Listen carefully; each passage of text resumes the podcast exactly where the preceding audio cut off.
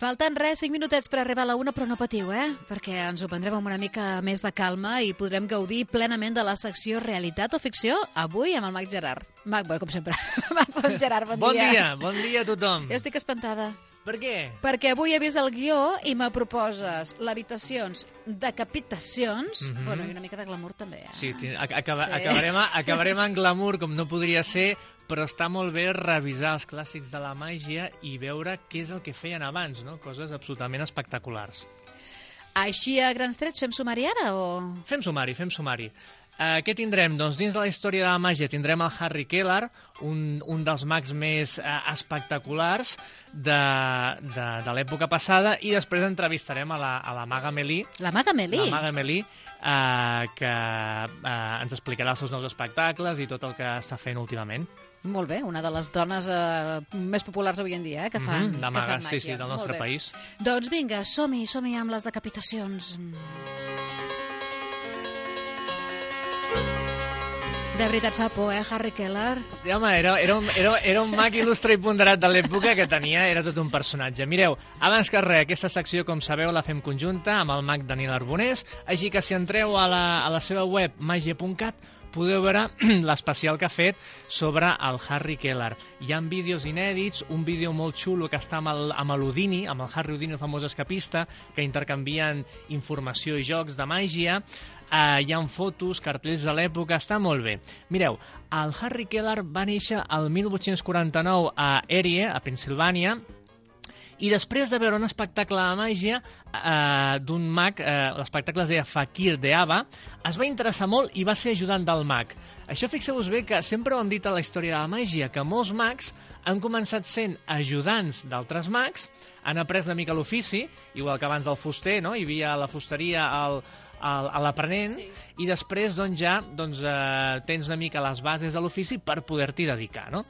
Uh, ben en jove va començar a fer gires arreu del món i en una gira a Melbourne, Austràlia, uh, una fan, una noia que es va acostar per demanar-li un autògraf, que es deia Eva Lydia Medley, uh, cinc anys després es va casar amb aquesta noia.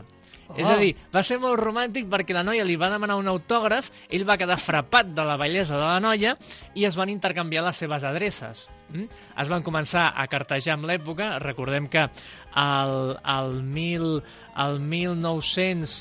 Uh, no, no, el, el, mil, uh, el, el segle passat doncs no hi havia no hi havia uh, ni WhatsApp ni tot això, de manera que tu escrivies una carta i arribava al cap d'un mes, no? És a dir, que al cap de cinc anys de relació es van, es van poder uh, casar, no? Estem parlant de, de principis del, seg del segle uh, 20, és a dir, això fa, fa molts anyets ja. Eh? Uh, jocs més famosos que feia el Harry Keller. Un d'ells era la levitació. Si veieu uh, imatges uh, de, i cartells de l'època, veieu que una de les seves especialitats era la levitació, no? Però no ell, eh, fer l'habitat. fer levitar amb una noia, uh, la, el joc es deia l'habitació de la princesa Karnak, i ell a més a més passava un cercle metàl·lic gegant perquè veiessis que la noia no estava connectada a res i que realment levitava per l'aire, no? Aquest era un dels clàssics de, del, del Harry Keller. Després també eh, un altre joc era les caixes niu, i, i vosaltres preguntareu, què són les caixes niu? Una cosa frapant. Tenia penjada a l'escenari amb una corda una caixa, mm? Sí. i demanava sis anells del públic, sis, sis anells diferents eh, del públic, sis anells. Els sis anells els posava amb una pistola, els sis anells, disparava contra la caixa, puf, i després baixaven la, la caixa, l'obrien i dintre hi havia una altra caixeta. Sí. L'obrien i hi havia una altra caixeta. Una altra caixeta, una altra caixeta, i, i, el, i la darrera caixa contenia els sis anells que havien eh, desaparegut de la pistola i que eren del públic, és a dir, que eren eh, anells de la gent que havien viatjat màgi- màgicament amb aquest niu de caixes, no? Era, eren, eren jocs, diguem, eh, d'aquells impossibles, no?, que es feien. Un altre era l'ampolla màgica, que això seria, diguem, la, el, el, el somni de molta gent, no? Una ampolla de vidre que li deia a- als espectadors, digue'm una beguda, i un deia vi, i de l'ampolla sortia vi. No diguis. I a més a més el podia tastar l'espectador i comprovar que realment era vi, que no era un colorant ni, que, ni, ni, era, ni era algun, algun tipus de, de líquid que s'hi assemblés. Un altre deia, home, jo voldria una llimonada, jo voldria alguna més suau. Pum! decantava l'ampolla i de dintre sortia una llimonada i l'espectador podia tastar, no? És a dir, que era un joc increïble. I el que comentaves la Núria al començament, les decapitacions. Oh, sí. Però era autodecapitació. Autodecapitació, Què sí. vol dir això? Ell estava sentat en una cadira, sí? Sí. Es treia el cap, plup, el cap començava a levitar, hi ha, hi ha, hi ha dibuixos de l'època, i eh, començava a levitar l'escenari, imagineu la, la, la imatge, ell sense cap, el seu cap de veritat comença a levitar, tic, tic, tic, tic, tic, tic comença a moure's, comença a, a, a, a voltar per l'escenari, en sec somriu al cap i plup, desapareix. I es fa un, el que diríem en teatre avui en dia un blackout, un fosc, pup, i quan es torna a encendre la, la il·luminació surt ell amb el cap posat i evidentment aplaudeix i la gent era una, una, una ovació de, de, de l'època, no? És a dir, jocs realment increïbles que es feien abans, no?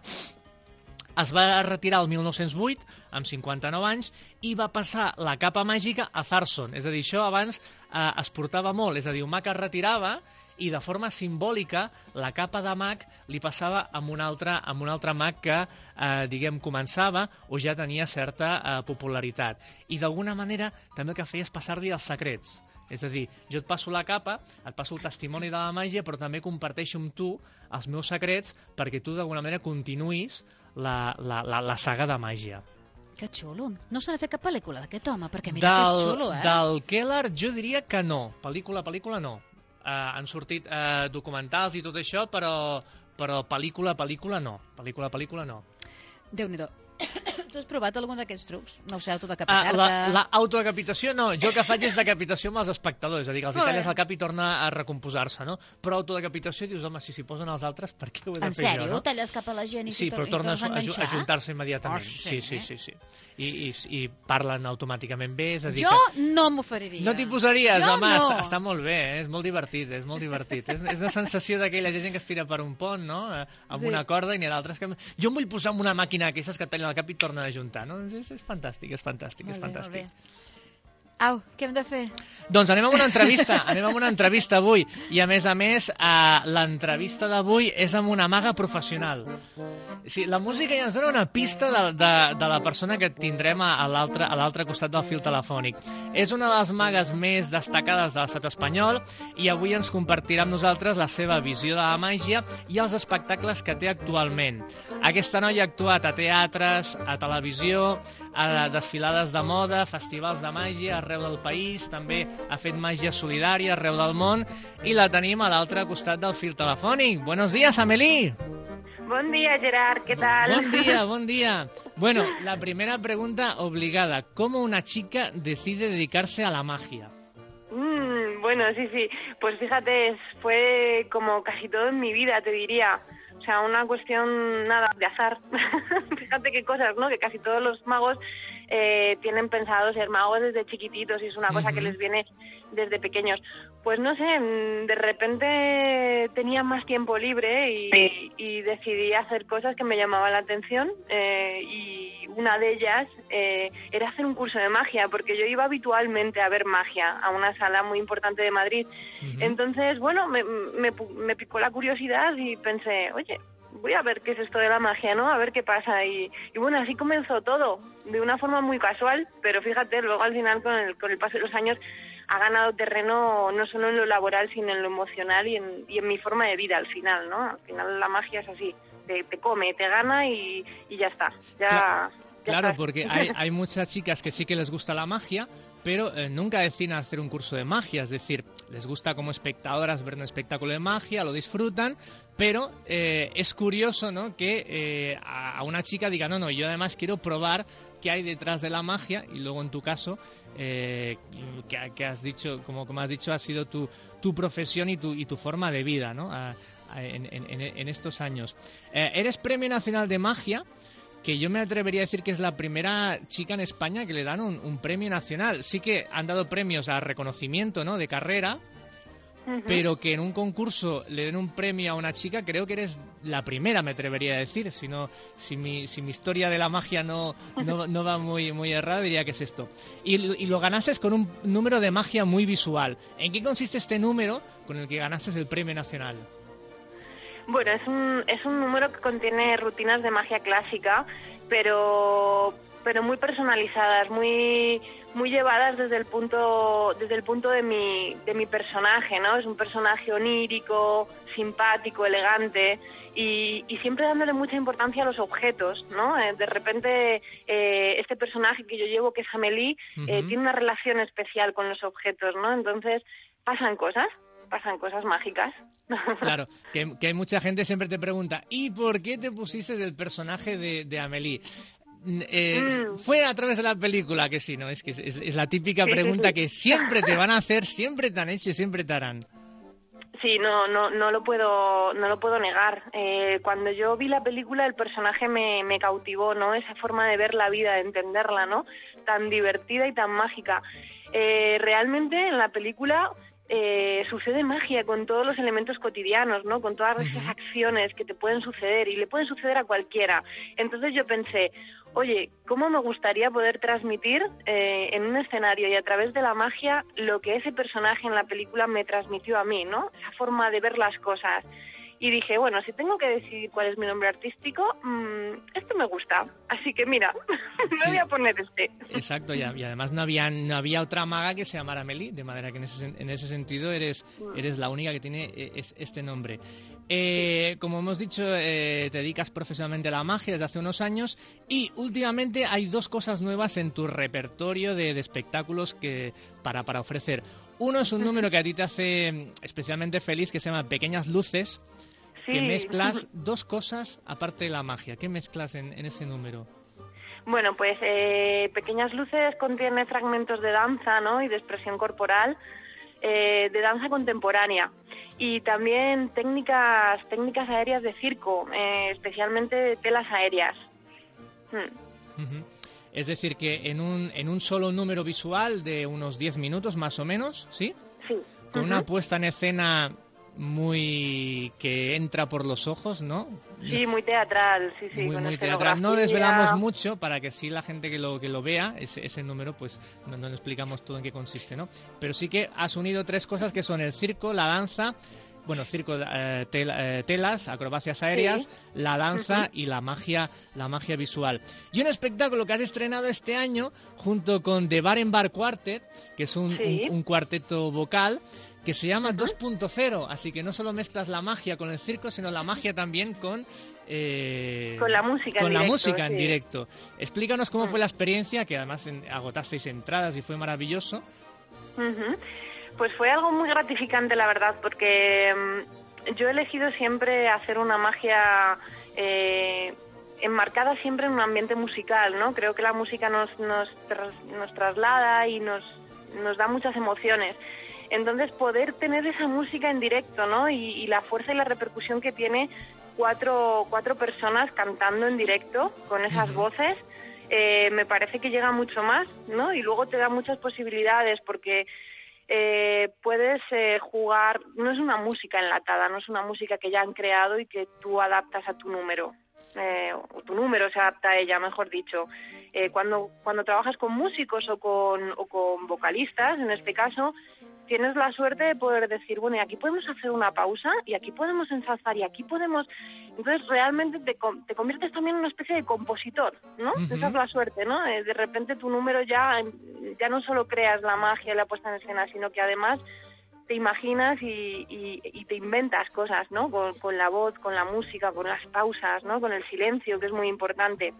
Así que, bueno, ha sido muy gratificante. Vamos a ver, ¿no? Cómo queremos que evolucione más este número y, que vaya teniendo cada vez más repercusión y que sea un poco, pues, novedoso, porque no hay no hay mucho aquí en España. Yo sé que hay otros magos como tú que ya han hecho ya han hecho un espectáculo un poco con, con esas características, pero bueno, no hay muchos, así que vamos, vamos con a intentarlo. músicos en directo sí, lo que pasa es que con un cuarteto mm. vocal no. eso, eso, yo creo que es inédito y además apareces mágicamente, no me vas a decir cómo, pero al, al principio en el espectáculo tú apareces mágicamente. Sí, es muy divertido, porque claro, al principio la gente no sabe muy bien, ¿no? El nombre del espectáculo tampoco desvela mucho, entonces no, no se lo esperan. Los chicos salen a hacer un concierto y de repente empiezan a suceder cosas y aparece una maga, ¿no? Ahí entonces empieza todo. Sí, sí, es muy divertido. Eh, hay, hay, hay, un, hay, una cosa que, eh, hablando de magos y magas, que la gente que, eh, que no, no nos ha visto cuando nos reunimos los magos, la situación es muy divertida porque en una mesa en el que hay magos y magas, siempre ves a los magos jugando con las cartas. Mira, mira, mira, mira qué juegos hacer, mira que no sé qué. Y las magas nos miran como si fuéramos niños diciendo, ya estáis otra vez jugando con las cartas, ¿no? Es decir, es gracioso, ¿no? Que los hombres siempre eh, seguimos jugando y como si no, creciera, no creciéramos nunca, ¿no? En cambio, las, las, las magas que, eh, que conozco y tú también conoces, nunca las ves haciendo magia cuando vamos a, a, una reunión o vamos a comer y tal, sino que hablan de sus cosas, hablan de magia también, pero nos miran un poco como si dicen, mira, siempre están jugando estos niños, ¿no? Con las cartas o con las, o con, o con las monedas, ¿no? Es un poco la, la visión diferente, ¿no? Que tiene un hombre, tiene una mujer delante de la magia, ¿no? Y como has dicho tú, eh, que las chicas siempre buscáis el punto visual de la magia, ¿no? El punto más Sí. eh, que entre por los ojos. Sí, hay una tendencia, ¿no? Desde, desde la antigüedad, ¿no? Eh, Cuando las magas empezaron, cuando las parteners empezaron a separarse de- del mago y a hacer sus propios números, eh, casi todas elegían eh, el arte de la manipulación y, y números muy visuales. Sí, estas son las tendencias. con, con una, con una estética detrás, con unos movimientos elegantes y todo esto. Eh, La gente que quiera seguirte, eh, les recordamos que tienes un Facebook, Amelimagia. Sí, ahí está todo actualizado eh, al día y bueno, eh, para mí es muy fácil también, ¿no? Que a tiempo real puedan estar informados todos todos los interesados. Nuria, que aquí está al lado conmigo, ya ha entrado en el, en, en el Facebook de, de, de Amelie, donde hay vídeos, hay, hay fotos de, de espectáculos tuyos. Amelie, lo, lo- soy Nuria. Hola, ¿qué tal? Hola, Nuria, es ¿qué que he visto a? Gerard tan entregado que digo yo, estoy aquí en un rincón. Ah, ¿Lo llevas tú el Facebook? ¿Tienes tiempo para tantas cosas? Sí, mira, además Sí. te digo una cosa, Nuria. Recientemente em, dejé mi trabajo ordinario ¿no? para dedicarme 100% a la magia, ¿no? Em- em- empecé a ver ya de una forma irremediable que, que dedicarse al mundo artístico requiere un 200% de energía. Eh, nosotros habitualmente no actuamos cada día. El mago que lo hace es muy afortunado. Entonces el resto del tiempo tenemos que hacer labores de oficina, de promoción y es una parte muy muy importante. Además que hablamos mucho Gerard y yo, ¿no? Él me recalca mucho este- esta parte del trabajo. Entonces, bueno, eh, ¿tienes tiempo? Pues sí, de momento lo hago yo. Pero sí que es verdad que, que requiere un esfuerzo, un, re- un esfuerzo importante. Hmm. Y hay que practicar, porque también los trucos no salen solos, ¿no? Y eso también Claro. requiere, claro. Claro, ya, requiere ya, ya- además en, tu caso que tienes espectáculos diferentes y cuando te llaman para un hacer un espectáculo tienes que ensaya- ensayar este, pero a lo mejor al día siguiente es otro diferente, de manera que siempre Sí. tienes que estar ahí. En un minutito, que ya, que ya se nos tira el tiempo en- encima, cuéntanos Sí. proyectos de futuro eh, que, que tengas ahora más o menos en, es- en- en este año o próximamente que te podamos eh, eh, seguir, alguna cosa que se pueda contar, que a veces todo, todo Sí, tampoco sí, se, se puede puede. contar. Se puede, esto se puede, además que estoy muy ilusionada, está en el horno y, y ya, ya perfila, ya tengo los ingredientes, solo hay que cocinarlo. Eh, va a haber otro número de magia visual, va a haber otro número de magia visual, un formato teatral también y espero sorprenderos con este. Muy bien, fantástico. Es decir, puedo si, leer. el, el primero ganase el premio nacional, el segundo un premio mundial, ¿eh? que ya, ya, Bueno. ya, ya- ya es lo que pide, ya es lo que pide. Pues Sí, eh, sí, un, pla- un, un placer tenerte aquí en el espacio de magia de Tarragona Radio, eh, Realitat o Ficció. El mes pasado hablamos de Tina Lenner, Tina Lenner, una de las magas Sí. más, más importantes a nivel mundial. Hoy hemos hablado de unas mejores magas a nivel nacional y muy pronto a nivel internacional. Así que como muy pronto te tendremos por aquí Tarragona seguramente. Así que no es una hasta otra, sino hasta, hasta muy pronto. Muchísimas gracias Gerard, un fuerte abrazo desde, desde todo mi mundo mágico y siempre un placer eh, estar con vosotros y, y sobre todo pisar tierras catalanas que, que ya sabes que me encantan. Muy bien, muy bien. Hasta pronto, Amelie. Chao. Hasta pronto, chao, un beso. De fet, l'ha l'hem portat a Festival Teatre Màgic, no? ha vingut, ha vingut al, sí, sí. al Festival Teatre Màgic i, i segurament tornarà, tornarà bé. molt aviat amb, amb nous jocs i noves creacions, com ens estava, ens estava comentant. Molt bé, Doncs eh, ja està. Realitat o ficció per avui, sí, sí, només recordar a la gent de que si volen contractar un espectacle de màgia, ara que s'acosten eh, bodes i banquets i comunions, doncs poden entrar a la web del www.teatremàgic.es i eh, ens poden enviar un correu i així els hi, els hi diran els tipus d'espectacles que tenim per eh, bodes i esdeveniments particulars. Mm -hmm. Mac Gerard, moltes gràcies. Adéu-siau.